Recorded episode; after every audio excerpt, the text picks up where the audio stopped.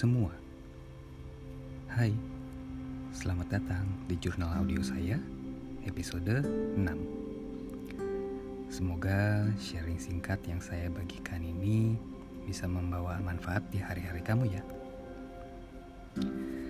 Topik kali ini adalah buah perbincangan saya dengan adik saya yang kebetulan tinggal dan bekerja di luar negeri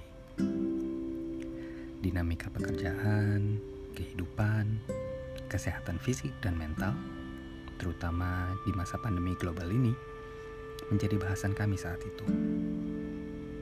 Nah, salah satu topik obrolan yang menarik dan ingin saya bagikan kali ini adalah seputar mindfulness. Suatu seni menyikapi hidup tanpa terikat antara isu masa lalu ataupun harapan masa depan. Beberapa dari kamu mungkin sudah familiar ya dengan uh, topik ini. Nah, untuk yang belum, izinkan saya sedikit menggambarkan secara sederhana. Karena sebenarnya saya pun masih belajar untuk topik ini. Tapi mungkin saya bisa sedikit mengilustrasikan. Kita umpamakan hidup adalah sungai dan bayangkan kita mengalir bersamanya.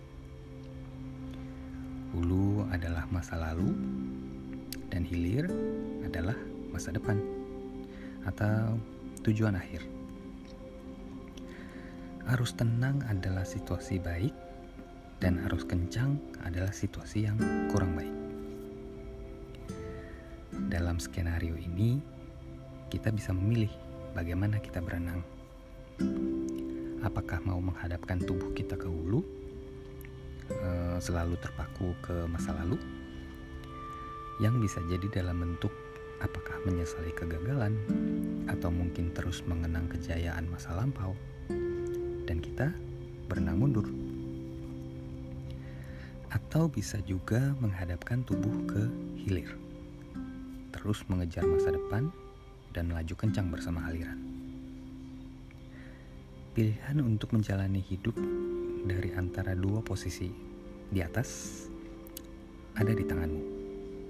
Tapi, kalau hanya memilih salah satu posisi tadi, indahnya pemandangan di sepanjang tepian bisa jadi luput dari perhatian.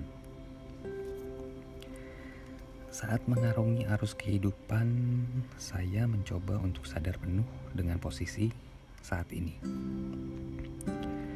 sesekali melihat ke hulu untuk tahu sejauh mana sudah berjalan dan sesekali melihat ke hilir agar bisa memastikan tepat sasaran.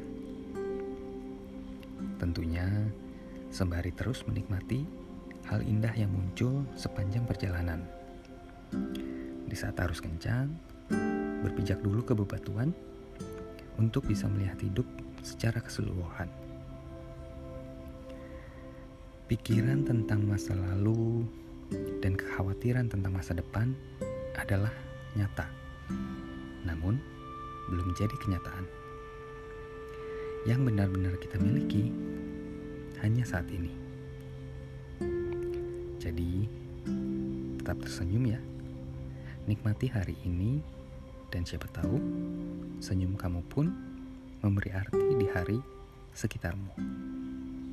Seperti pepatah berkata, senyum adalah obat.